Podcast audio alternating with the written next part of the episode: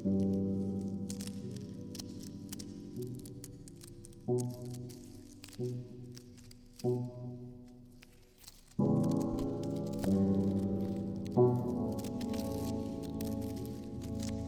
1990 yılında yaptığım caz anketiyle başlayalım o zaman. Nereden geldi aklına 1990 yılında caz üzerine anket yapmak? Üstelik İzmir'de galiba değil E, mi? İzmir'de, e, o dönem İzmir'de yaşıyorum. Kafe açmıştım. Ama öncesinde şöyle bir şey var. 14-15 yaşında e, Charlie Parker'ın Bird filmini izledim. Filmin o kadar içinde hissettim ki kendimi. Dedim ben caz kulübü açmak istiyorum. O böyle e, yerleşti bir yerimde. Yani sürekli cazla ilgili arşivler toplamaya başladım. Albümler toplamaya başladım. Sürekli caz parçaları dinliyorum. Kayıt tarihinden itibaren ne varsa e, yutmaya, okumaya başladım ondan sonra. Çok da sıkmamak için insanları 7-8 soruluk sorular yazıp A2'ye fotokopiyle çoğaltıp ondan sonra bir karton kolyeyi hemen üstünü kaplayıp caz anket soruları diye bir kutu yaptım. Ondan sonra Nerede yaptın o kutuyu? Nereye koydun? ee, İzmir Kültür Sanat Merkezi e, oradaki bütün konserleri, festivalleri ta- takip edip bir oranın girişinde ve çıkışında e, stand yaptım. Alsancak'ta yaptım. Alsancak sahilde yaptım. Kıbrıs Şehitler Caddesi'nde köşede bir yerde öyle bir stand açtım. E, merak ettiğim şey şu. Şunu merak ediyorum. Gerçekten caz dinleyicisi var mı? Sorularla onu anlamaya çalışıyorum. Öyle başladı anket. Ee, aşağı yukarı e, 2000 tane yakın cevaplanmış anket topladım. Ondan sonra onları oturup evde hepsini derleyip toparlayıp bir böyle bir listeler yazdım. İşte e, caz kulübü olmasını istiyor, istemiyor. İşte caz dinliyor, dinlemiyor. Cazdan nefret ediyor. İşte caz ona e, son derece sinir bozucu bir müzik gibi geliyor falan.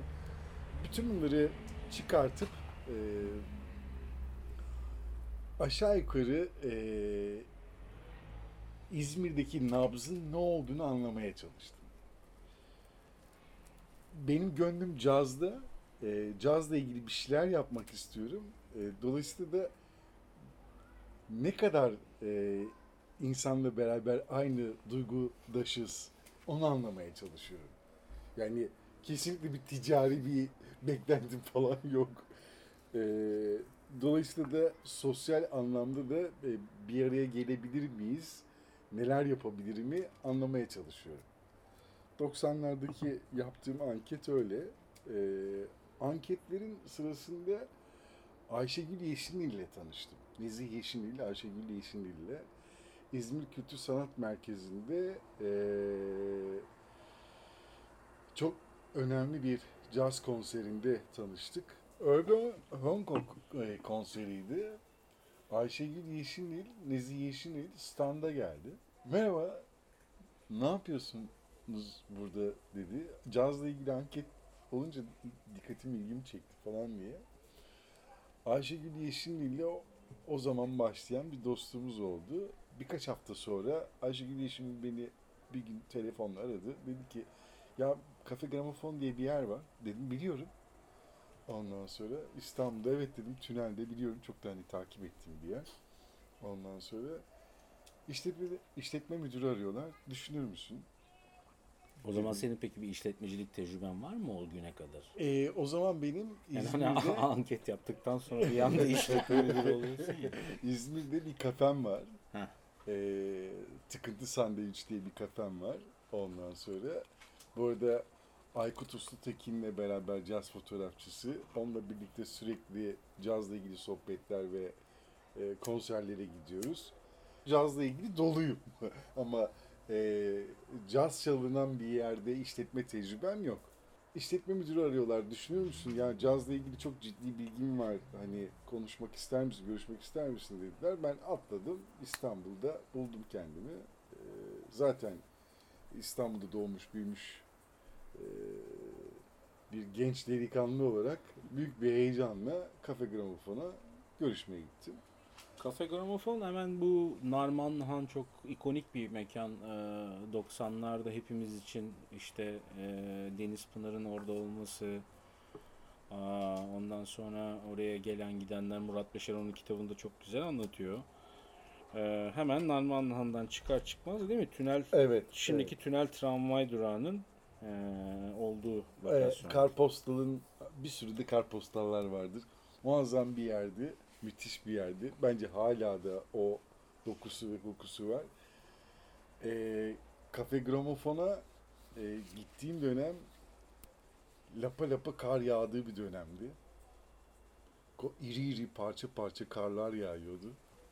Tünelden kalkan tramvay Kafe Gramofon'un içerisinde şahane bir müzik çalıyor sevgili Mert'le tanıştık. Mert'le tanıştıktan sonra birbirimize kardeş gibi gördük.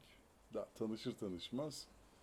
Ee, Bir hafta sonra ben orada işletme müdürü olarak çalışmaya başladım. Kafe Gramofon, Lale Plak, Hakan ve Murat abi, Zuhal Müzik, sevgili e, Asım Can Gündüz, Zuhal Müzik.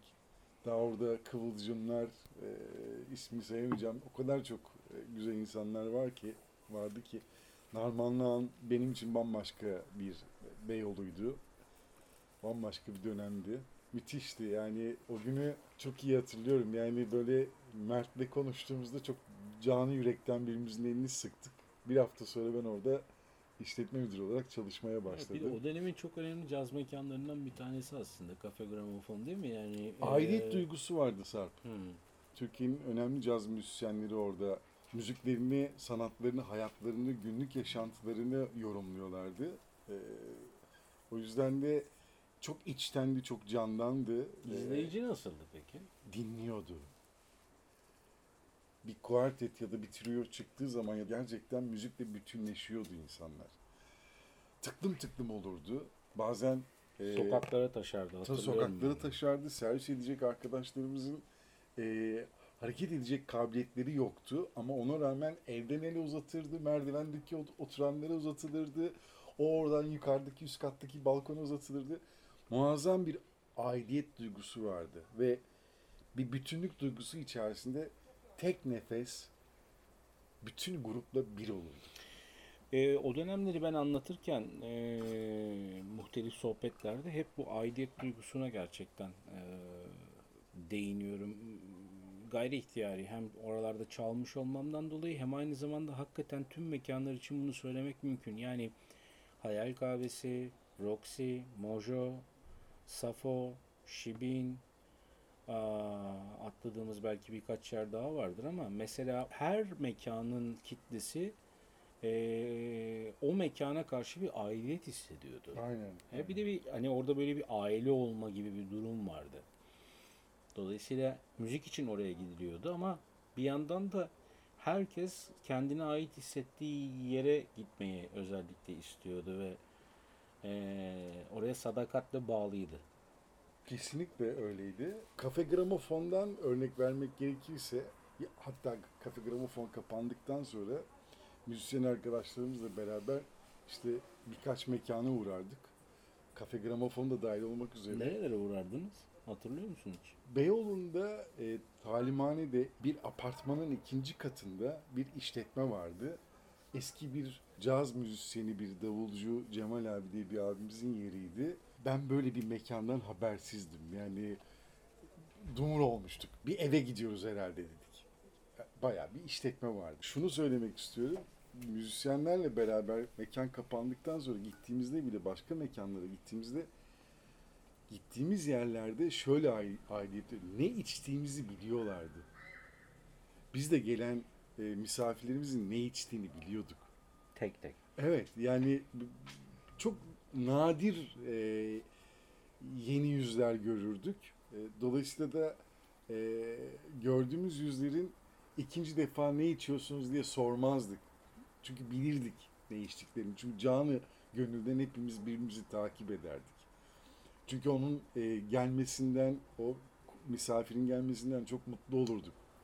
E, bazen e, bazı misafirlerimizin kapısını gözlerdik. her misafir hakikaten ayrı bir karakterdi. Değil mi o dönem? Aynen, aynen. Bir ayrı bir karakterdi. Ee, Meyhane kültüründe de çok benzer bir şey vardı o dönemde mesela. bizde o e, meyhane kültürüyle beraber cazda bunu yaşamak, o oryantalizmin getirdiği kültürle beraber çok tatlı, kontrollü bir samimiyet vardı. O incecik zar gibi perdenin hiçbir zaman iki tarafta saygı çerçevesi içerisinde keyifle bir bütünlük duygusu yaşardı herkes. Bugünden düşündüğünde kafe gramofonda hiç unutamadığın konser hangi konser? Hiç unutamadığım konser hangi konser? Pet Metin'i. Pet Metin'i e, Şule Uslutekin, Aydın Gün, Yapı Kredi, Yapı Kredi Jazz Festivali. Jazz Festivali Cemil Topuz diye getirmişlerdi. E, ben büyük bir heyecanla Kafe Gramofon'dan çıktım. E, Mert dedim ki ben konsere gidiyorum. Erdinç dedi e, akşam rezervasyon var biliyorum dedim. Pet Metin'i alıp geleceğim dedim. Ondan sonra dedi ki e, büyük bir ihtimalle gelmeyecektir. Ben öyle düşünmüyorum dedim. Ben Pet Metin'le beraber geleceğim. Büyük bir heyecanla konsere gittim. E, bir şekilde kulise girdim. E, Pet Metin'in Mystery Sky albümünü imzalattım. Şule ile beraber Kafe Gramofon'a davet ettik. The Marmara'da kalıyordu o zaman Pet Metin'i. Hep beraber The Marmara'nın önüne kadar geldik. Pet Metin'i The Marmara'dan Kafe Gramofon'a kadar İstiklal Caddesi'ne yürüyerek gitmek istediğini söyledi. İnanılmaz bir gündü ya. Çok keyifliydi. Yani Kafe Gramofon'a yürüyerek geldi. Arkasında da böyle bir hafif bir kalabalık var ama e, aşağı yukarı böyle bir tanıyanlar 20-25 kişilik bir grup. Sonra gramofona yaklaştıkça 50-100 kişi oldu. E, çok keyifli bir geceydi. Önder Focan çalıyordu o gece. Önder Focan Pet Metin'i kapıda görünce e, yanlış hatırlamıyorsam My Funny Valentine'ı çalıyordu. Parçasını bitirdi, bitirir bitirmez gitarını temizledi, sildi ve Pet Metin'i sahneye davet etti. Çok güzel bir geceydi ya. O gece e, benim için çok özel günlerden bir tanesidir. Ne kadar devam etti gramofonla senin macera? Kafe Gramofon'la e, 96 senesine kadar devam etti. Ben de böyle bir farklı şeyler yapma isteği başladı. Böyle biraz Dixieland'ler, New Orleans'lar, biraz böyle blueslar yapmak istiyordum. Sevgili Neşet Roğacan'ı e, çok kurcalıyordum. Rahmetli Selçuk Sun e, çok o taraflarda değildi ama destekliyordu beni. E, çok kurcaladığım müzisyen vardı. İnsanların dans edebilecekleri, relax olabilecekleri bir tarafı olduğunu da gösterelim. Sokağa geri çağırma yani. Aynen, hikayesi. aynen. Evet. E, Mert'le orada ayrıldık. E, Mert çok fazla bunu desteklemiyordu. Biraz daha mainstream kalmak istiyordu. O yüzden de e, ben de farklı bir mekan, farklı bir işletme arayışına ister istemez odaklandırmaya başladı. Sonra da karşıma işte e, Tarih Vakfı, e, Türkiye Toplumsal Tarih Vakfı karşıma çıktı. Tarihi Darphane binaları. Osman Hamdi Bey yokuşunda Topkapı Sarayı'nın birinci avlusunda eski Abdülmecit'ten kalma metal para eritme ocaklarının olduğu binalardı. Arkeoloji Müzesi'nin hemen karşısında yıllarca kocaman dev bir demir kapısı vardı. O kapıları Türk filmlerinde cezaevi kapısı olarak kullanılmıştır. O avluda dörde bir nolu mekanda bir gün beni toplantıya çağırdı Tarih Vakfı. Ya Erdinç biz burayı bir İstanbul Müzesi yapma projemiz var. Sen burayı caz kulübü yapmak ister misin? Ben de mekanın neresi olduğunu merak ettim. Beni tarihi darphane binalarına götürdüler. Tarihi darphane binalarının içine girdiğimde mekanın bitmiş halini, müzik seslerini, insanları gördüm içeride. Dedim ki burası olur. Bir dakika dedim. dediler yani daha dolaşmadık mekanı. Ben gördüm ve bitirmiştim. Muazzam bir yerdi. Bence e, İstanbul'da e, çok özel günlerin, çok özel müziklerin geçtiği, e, dinlenildiği, yaşandığı yerlerden bir tanesiydi İstanbul'uz. Akabinde bir ay, bir buçuk ay kadar süre içerisinde e, restorasyonuna başlayıp İstanbul Caz Kulübü açtık. Yapmak istediklerimi e, elimden geldiği kadar orada gerçekleştirmeye çalıştım. Haftanın 7 günü müzik yaptık. E, kendimi o konuda çok şanslı hissediyorum. Çünkü çok değerli sanatçılarla çalıştım. Orhan Boran'la çalıştım. Pazar günleri e, stand-up'lar yaptı, söyleşiler yaptı. E, ve yani 72 doğumluyum. Benim kuşağımdaki insanların Orhan Boran'ın e, hayatımızdaki yeri bambaşkadır. E, o yüzden de onunla çalışmış olmanın, birlikte beraber bir şeyler yapmış olmanın e, bendeki keyfi bambaşka. Daha ismini sayacağım o kadar çok insan var ki. E, Rasim Öztekin'le yaptık e, stand-up'lar. Haftanın Bir şey soracağım hemen şimdi aklıma geldiği için o dönemde ben nerelerde neler çalınıyor diye düşünüyorum da mesela Ayten Özer'in Eylül Müzik Kulübü de çok önemli mekanlardan bir çok tanesi. çok özel mekandı. Ee, bu mekanlar arasındaki e, mekanlar arasında bir ilişki var mıydı? Ee, sen mesela gidiyor muydun ya da onlar geliyor muydu? Elbette müzisyenler orada da çalıyordu, sende de çalıyordu. Vardı ama her zaman ego arka cebimizde saklıydı. Hmm. Ee, onu kimse bastırmakta çok e, erdemli değildi. Davranamıyordu. Ee, bir şekilde belli olu- oluyordu. Ama biz biraz daha böyle genç ve saf çocuklardık diye tabir edebilirim. Eylül'ün hemen ilerisinde e, Naima vardı. Naima Jazz Kulübü vardı. E, Timur Selçuk'un Selim Selçuk. Sel- Selim Selçuk'un mekanı vardı. Çok önemli caz mekanlarından bir tanesidir. Rekabet diyemeyiz ama eğer aynı mekanı açmışsak e, hep arka cebimizde bir ego saklıydı.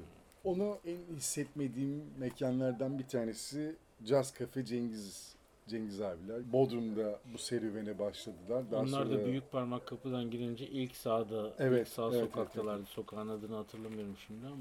restore etmek istiyorlardı mekanı, yenilemek istiyorlardı. Ben de o dönem İstanbul'uzu e, kapattığım dönemlerdi. Sonra ben oraya bir projeler hazırladım. O projelerin yüzde 40'ı, yüzde 50'si hayata geçti. Gerçek anlamda sosyal bir, e, keyifli bir ortam yaratma duygusunu e, yaşayan insanlardı. E, yaşıyorlarsa hala da öyledir. Uzun zamandır görüşmüyorum, bilmiyorum benim için özel mekanlardan bir tanesiydi. Ee, Bülent abi çok çıkardı orada. Bülent Ortaç birçok e, program yapardı. Erkan Oğur, Erkan Oğur keza öyle. Gürolar var. Giro Ağarbaş, Cem Aksel. Aslında bugünden baktığımız zaman mesela 90'lı yıllarda belki bugünün İstanbul'una belki değil neredeyse kesinlikle bugünün İstanbul'una nazaran çok daha fazla mekan olduğunu görüyoruz. Ama aynı dönemlerde e, hani Türkiye'de caz festivallerinin e, çoğaldığı, sayıca arttığı değil mi? Çeşitlendiği, müzikal Kesinlikle. anlamda da çeşitlendiği bir dönem 90'lı yıllar. Kesinlikle. Yani e, 90'larda Beyoğlu'nda o zaman 7800 mekan vardı. E, yaklaşık. İçlerinde caz kulübü olarak e, belli başlı İstanbul'da 5-6 mekan vardı. E, ama birçok mekan da e, içinde rock barlar da dahil olmak üzere playlistlerinde caza uğramadan yapamazlardı. Ya da pazar veya pazartesi günlerini ya da Evet. salı günlerini caz gruplarına da açan mekanlar açan var. mekanlar vardı. Caz her zaman e, bana göre hayatın ta kendisini anlatan e, çok önemli müziklerden, e, müzik tarzlarından bir tanesidir. Gerçek hayatın ta kendisidir bence. Bu mekanları dolanan belirli bir kitle mi vardı? Ve o kitleyi e, artan sayıca çoğalan caz festivalleri büyüttü mü? Yani festival sayısının artması, e, yurt dışından daha çok sanatçının e, İstanbul'a uğruyor olması, e, o kitleyi büyüttü mü? Ve Kesin- değiştirdi mi? Dönüştürdü mü? Gençleştirdi mi? Mesela o konuda yani sosyolojik anlamda sen nasıl okuyorsun bugünden bakınca?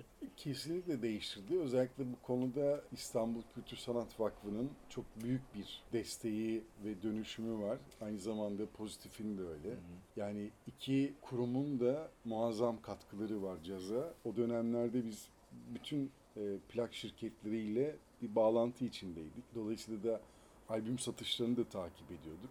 mekanların albüm satışlarını takip ettiği bir dönemden bahsediyoruz. Evet evet evet. Çok acayip. Kesin- yani. kesinlikle albüm satışlarını takip ediyorum. Hatta bazen konuştuğumuz, tartıştığımız repertuarlar bile oluyordu. Çünkü yeni çıkan bir albümün yeni bir yorumlaması yapıldıysa mekana kazandırmak için onu o dönemki çalıştığımız müzisyen arkadaşlarımızla beraber oturup onu da biz kazandırmak ve dinlettirmek istiyorduk. Watermelon Man yorumu Herbie Hancock'un o dönemlerde yapılan e, yeni versiyonunun mesela neredeyse Beyoğlu marşlarından bir tanesi haline geldiğini hatırlıyorum kulüplerde Evet, ama evet. o caz dinleyicisini bambaşka bir yere doğru çekti. Cazın başka şekillerde işlenebileceği konusunda çok önemli bir e, güncelleme getirdi o parça. Kesinlikle Değil mi? ama eğer Miles Davis yaşasaydı aynı yerden devam ederdi. Yani onun mesela enteresan bir kırılma olduğunu düşünüyorum. Bir de senin şimdi söylediğin şey çok ilginç. Sanki e, şunu görüyoruz gibi böyle lale plak gibi e, eksik bir şey söylersem sen tamamla istersen. Zihni gibi aa, o dönemin e, İstanbul'daki müzik e, sceneni hareketlendiren, ona yenilik getiren mekanlarla da icra edilen mekanlar olarak ilişkiniz mesela çok belirleyici. Bu böyle mikrokozmos gibi bir şey. Kesinlikle. Değil mi? Yani bir dinleyici var, bir mesela albüm satılan yerler var, bir müziğin icra edildiği yerler var, festivaller var. Ya gölge gibi, nefes gibi birbirimizi takip ediyorduk. Hakan mesela, Hakan Atala, sevgili Hakan Atala, Lale Plak bizim için çok önemli bir yerdi. Zihni müzik keza öyle. Ne oldu, kim çıktı, kim albüm çıkarttı, işte yani mesela biz körleme yapardık. Daha sonra Caz dergisinde o körleme yayınlanmaya başladı. İlk biz e, rahmetli Selçuk Sun, e, Deniz Dündar evlerimiz çok yakındı birbirimize. Hafta sonları toplanıp körleme yapardık. İşte bir trio grubunu dinlerdik ya da bir quartet grubunu dinlerdik. Deniz abi hiç bize albümü göstermeden koyardı. Basçının kim olduğunu, işte piyanoda kim var ya da işte saksafonda kim var. Oturup onları enstrümanla olan ilişkilerini, kişilik analizlerini yapardık. Tam burada bir şey soracağım. Sen öyle bir yere getirdin ki konuyu. Aslında o dönemde siz mekan işletmecileri olarak müzikle ne kadar iç içesiniz ve müziği ne kadar çok seviyorsunuz. Müzik sizin için ne kadar büyük bir tutku. Yani bugünkü işletmecilerle karşılaştırdığımızda aslında ne kadar büyük ve korkunç bir değişimin yaşandığını görmüş oluyoruz. Bir mekan işletmecisi bir müzisyenin evine gidiyor ve o işte körleme caz albümleri dinliyor ve onları analiz ediyor. Ee, bu bugün bakınca çok oldukça imkansız bir şey ya. Deliydik herhalde Sarp. Yani ben delilik olduğunu düşünmüyorum. Bu kültür işte. Yani o kültürün aslında bileşenleri var ve o bileşenler hep beraber davrandığı için o dönemde de öyle bir şey oluyor. Ya- yaşıyorduk. Yani her yaptığımız e, ne yapıyorsak, ne dinliyorsak yani gerçekten e, mesela ben bir albümü dinlemeyi e, rahmetli Selçuk Sun'dan öğrendim. Rahmetli Erol Pekcan'dan öğrendim. e, sevgili Deniz Dündar'dan öğrendim. En az dört kere dinlemen gerekiyor. En baskın duyduğun enstrüman hangisi ise ilk başta onu dinlersin. Sonra diğerini dinlersin. İkinci defa dinlediğinde. Sonra üçüncü defa dinlediğinde diğerini dinlersin. Ve Ensemble duygusuna varıyorsun. aynen. Ee, ve biz orada gerçekten albümde ne demek istediklerini, duygusunu da anlamaya çalışırdık. Plak şirketi kim? Hangi stüdyoda kaydetmişler? Ee, kaç yılında kaydetmişler? Kaç kişi girmişler? Ee, işte canlı mı kaydetmişler? Ee, tek tek bunları takip ederdik. Yani aşkla yapılan her şey bence böyle olmalı ya. Başka türlü olması imkansız geliyor bana yani. Büyük kitlesel festivallere doğru e, giden dönemde neler yaptın? Hem bir yandan da şeyi merak ediyorum. İzleyici nasıl değişti? Yani arkadan bir jenerasyon geldi herhalde. Çünkü bizim anladığımız klasik anlamdaki müzik festivallerini tamamen ezberlerini kıran yepyeni bir açık hava festivali formatı ortaya çıkmaya başladı. 90'ların sonlarına doğru giderken. Evet, yani aslında şöyle oldu. Yani e, İstanbul kapandıktan sonra bende de bir e, yaklaşık 1-2 sene bir boşluk oldu. O dönem e, yani İstanbul'da ve diğer şehirlerdeki ne olup bittiğiyle ilgili hemen hemen birçok aktiviteyi kaçırdıklarım mutlaka vardır. E, takip etmeye çalıştım. Hatta birçoğuna gittim. O dönemde şunu gözlemlemeye başladım. Katıldığım konserlerde, festivallerde hatta bunun içinde İKSV konserleri de dahil olmak üzere işte küçük kulüplerde, mekanlarda, Roxy'de yapılan konserlerde, İKSV'nin e, mekanlara dağıttığı konser ayaklarındaki eventlerde de katıldığım konserlerde şunu gözlemlemeye başladım. Gerçek dinleyici e, %25, %30 olduğunu Yani o mekanda bulunan kitlenin %25'i 30'u olduğunu mu? olduğunu, gerçek dinleyicinin %30 olduğunu, e, diğer %35, %40'ının da %30 gerçek dinleyici gittiği için gittiğini, e, diğerleri de onlar gidiyor diye gittiğini gözlemledim. Parçası olmak istediğini. Parçası olmak istediğini. O sırada canlı performans sırasında bir solo olduğunda e, mekanın %70'inin o mekanda değilmişler gibi orada e, bir grup o sırada bir konser vermiyormuş gibi çok rahatlıkla birbirleriyle konuştuklarını gözlemliyorduk. Bu 2000'lerin başına doğru kırılma noktalarından bir tanesiydi. Biz biraz daha romantik ve e, duygusal insanlar olarak Lale Plak Hakan'la çok e, bunu konuştuk, çok irdeledik. Ne diyordu? E, değişiyoruz ve e, bambaşka hızlanıyor her şey. Bambaşka bir yere doğru gidiyor. E, moda olmaya başlayınca da o zaman biz e, bundan yavaş yavaş uzaklaşmaya başlamıştık. Evet. Festivaller de biraz o böyle büyük kitleleri toplamak üzerinden de sanki e, bu bahsettiğin değişime e, zemin tuttu gibime geliyor. Yani çok büyük kitleler toplayan e, stadyum konserlerinin başladığı bir dönemden bahsediyoruz. O da aslında çok değiştirdi herhalde değil mi? Arkadan gelen izleyici böyle büyük işte Guns N' Roses, Bon Jovi, Metallica konserleri ondan sonra galiba Michael Jackson konseri doğru hatırlıyorsam. Bunlar da mesela böyle büyük kitlelerin bir arada bulunmak, bir arada bulunarak müzik dinlemesi Türkiye için o zamanlar çok geniş bir şeydi. Yani, hani küçük mekanlardan koparak kitle kitle büyük bir kitlenin parçası olması çok e, Bence çok- arzuladığı için diyebilir miyiz orada? Kesinlikle çok bence kon- konserin kendisi zaten çok konservatif gelen bir şey bana. Yani e, ama e, kulüpte yapılan müzikle konser arasında hakikaten ciddi bir fark olduğunu düşünüyorum. Cazda bunu çok fazla görebilirsin. Eğer modu o gün iyi değilse iyi olmadığını da müziğinde de görürsün. Ama yine müziğini iyi çalar. Hı hı. Ama konserde öyle bir durum yok mesela. Konserde kitlesel direkt konserde yok evet, aslında kitlesel, öyle evet, kitlesel konserde yok. Direkt mesafeyi de görürsün. Bizim yaptığımız festivallerde ise biraz daha bizim yaklaşımımız farklı e, kültürdeki e, insanları bir araya getirerek sosyal bir payda elde etmekti amacımız, hedefimiz.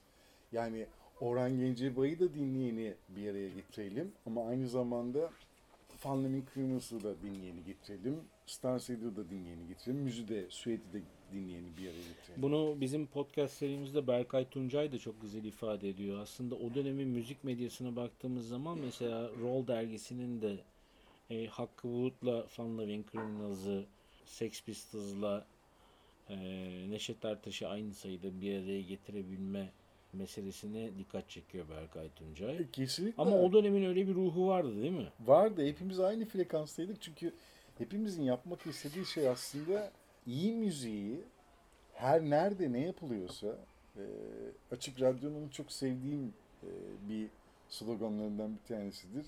Dünyanın tüm seslerine.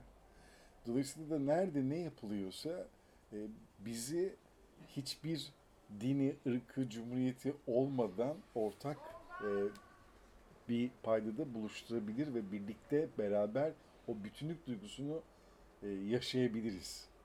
Sanıyorum bizim kuşakta çok fazla baskındı o duygu. Hala da ben e, kısmi olarak o kuşağın çocuklarında da o duyguyu görüyorum. O konuda çok ümitsiz değilim yani. Bizim mesela yaptığımız festivallerde Hangi e, festivaller? Bizim yaptığımız festivaller dediğin. E, H2000 Festivali, H2000 Festivali e, ikinci yılından sonra, ikinci H2000 Festivali'nden sonra ben dahil oldum. Sevgili Boray Dündar ve Aylin Astım e, beraber birlikte organize edip yapıyorlardı o festivali. Türkiye'de gerçekten festival yapmak çok kolay bir şey değil. Hele ki bahsettiğimiz yıllarda festivalden çok uzak olduğumuz yıllardı. Ee, H2000 Festivali Türkiye'de ilk yapılan konaklamalı festivallerden bir tanesiydi. Ee, bir de festival konaklamalı olunca e, devlet büyüklerimizin aklına bambaşka şeyler getirdi. Halbuki insanlar gerçekten 24 saat boyunca e, müzik dinleyebilir e, ve çok keyifli e, anlar, dakikalar yaşayabilir farklı farklı müzikler dinleyerek. Beyoğlu'nda bir e, yerimiz vardı Babylon'un arka sokağında. E, Aşk Gibi Festivali'ni kendi bünyemiz içine aldık. Sevgili Bengü Ünsal, Hadi Elazi ile beraber böyle 4-5 ortaklı bir şirket kurup festival dünyasına Aşk 2000'le adım attık. Çok keyifli ama aynı zamanda da çok acı, üzücü şeyler de yaşadık. Ama- Pastanın büyüdüğü bir dönem çünkü. Evet, evet. Büyüdüğü dönemlerdi. O zamanlar Aşk 2000 Müzik Festivali bence Boray'dan ciddi bir yol kat etmişti Aşk 2000 Müzik Festivali ile ilgili. Fakat ekip sıkıntısından dolayı e, maalesef hem kuliste hem muhasebede hem işin organizasyonunda olmanız mümkün değil. E, dolayısıyla da Boray bunu tek başına e, yapmaya çalışmıştı. Tam burada bir şey soracağım. Bu e, o dönemde o, e, festival dünyasının içerisinde yer alan büyük etkinliklerin nitelikli iş gücü yetiştirdiğine inanıyor musun? Kesinlikle. Değil mi? O da çok önemli. Ben mesela rehberlik yaparak başladım o festivallerde. Dolayısıyla bugün hani etkinlik tasarlarken o dönemden elde ettiğim e, tecrübelerin çok büyük rol oynadığını okuyorum. Halbuki rehberlik yapmamış olsaydım, hiç o sürecin içine girmemiş olsaydım acaba ben etkinlik tasarlarken bugün nasıl bakardım? Birçok insan da bu festivallerde farklı e, katmanlarda rol alarak bu sektörde var oldu ve var olmaya devam ediyor. Buna katılır mısın? Kesinlikle. O dönemde mesela festival sürecinde çalıştığımız arkadaşlarımız e, mesela bunlardan bir tanesi Siebent Süvari. Bizim e, grafiker posterlerimizi tasarlayan, e, lifletlerimizi tasarlayan arkadaşımızdı. İşte görevli kartlarımızı tasarlayan, işte kurumsal kimliklerimizi tasarlayan arkadaşımızdı. Siebent Suvari şu anda Avrupa'nın en önemli festivallerinden birini yapıyor. Gelmiş olduğu nokta Türkiye'nin sınırlarını da açtı. Hatta o grubun içerisinden de e, Cengizhan diye bir arkadaşımız var. O da öyle e, hala festival dünyasında. E, herkes için çok geliştirici ve çok öğretici oldu. Çünkü e, aslında Türkiye'de biz ilk konaklama festivali yapan e, bana göre garibanlardık, kurbandık, e, ezildik, büzüldük, e, kapıları çalarken, devlet kapılarını çalarken, anlatmaya çalışırken e, gerçekten çok zorluklar çektik. O zamanlar sponsorluk firmalar için çok yabancı bir şeydi. Sponsorluğu bile firmalara anlatmaya çalışırken iyi de hani biz buna niye sponsor olalım ki? Bir müzik konseri bu. Bizim tüketicimizle hiçbir alakası olmayan bir şey diye karşılaşıyorduk. Ee, Daha sonra bu çok olgunlaştı ama yani o dönem biz o kapıları çalarken e, biz firmalara e, gerçekten ben e, yılda 200-250 sunum yaptığımı biliyorum ortalama. Yani günde 7-8 toplantıya katılıyordum. E, ve her toplantıda her gittiğimiz kurumsal CEO ile e, ya da işte genel müdürle yaptığımız halkla ilişkiler müdürleriyle yaptığımız toplantılarda e, tüketicinizle bir bağ kurmanız gerekiyor. Dolayısıyla da bu bağ kurabilmeniz için sizin kişiliğiniz, karakteriniz, dinlediğiniz müzik ne, bir tarzınızı koymanız gerekiyor ortaya. Dolayısıyla da Türkiye'de böyle yapılan bir destinasyona da e, destek olmanız gerekiyor. O yüzden de bu hepimizin sahip çıkması gereken bir şey diye e, böyle uzun, e, zorlu bir yoldan geçtik savcım. Daha sonra e, tabii bu grubun içinden çıkan arkadaşlarımız için e, sonraki süreçler çok daha daha rahatlatıcı oldu ama bizim için çok çok zor dönemlerdi yani gerçekten Aslında çok zor. siz döşemişsiniz. Sonra devam edenler de onun üstüne yani inşa etmeye E tabi festival deyince aslında Türkiye'de o zaman o dönemlerde İKSV ve pozitif yapabilirdi. Yani onun dışında kimse festival yapamaz gibi bir durum vardı. E, pozitifle İKSV'nin e, zaten çok e, ciddi bir dirsek temasları vardı birbirleriyle. E, hem birçok e, agentla ortak birleştikleri noktalar vardı. Dolayısıyla da birbirlerini destekleyen çok yönleri vardı. Ee, biz tamamen saf çocuklar, tamamen tek amacımız e, farklı kültürleri bir araya getirip birlikte bütünlük duygusunu vermekti. Nereden geldi bu duygu onu da bilmiyoruz. E, hala da cevaplayabilmiş değilim niye böyle bir şey yaptık. Ama ben çok keyifle bakıyorum e, o yıllara. Sana son olarak şeyi soracağım. Ee, 99 depremini hem bu sektörde hem Türkiye'nin müzik dünyasında bir kırılma olarak görüyor musun? Yani izleyicinin sosyolojisinin değişmesi, mekanların bir ay kapalı kalması, şimdi tam pandemi dönemi bu kapalı kalma meselesiyle ilgili çok kafa yoruyoruz, konuşuyoruz, düşünüyoruz, üzülüyoruz.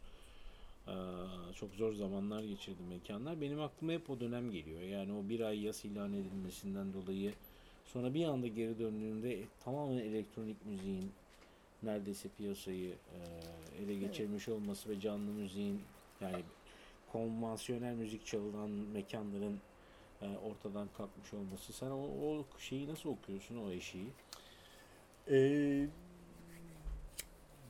ya 90'ların sonuna doğru e, yavaş yavaş hızlanmaya başlamıştı. Hatta o dönemde e, ben madalyonun öbür tarafını şöyle yaşıyordum. Örnek vermek gerekirse gece bittikten sonra ben Seventh House'a günün hasılatını bırakmaya gidiyordum. Mert ve Şeniz e, beraberlerdi o zaman. E, Şeniz Seventh House'u işletiyordu. Mert de Seventh House'daydı. Ben kafa gramofonu kapattıktan sonra Seventh House'a gidiyordum. Seventh House'daki e, kafe gramofon gibi bir ortamdan Seventh House'a girmek benim için tamamen e, zamanda yolculuk gibiydi ama hep ileriye doğru bir yolculuktu. Kesinlikle ben 2030'lara, 2040'lara gidiyorum gibi düşünüyordum her seferinde. E, her şey bir anda hızlanıyordu. İçki içiş hızlanıyordu, sohbetler hızlanıyordu, e, dans edişler hızlanıyordu. Hep sorduğum sorulardan bir tanesi, Şeniz'de de çok konuşuyorduk bunu. E,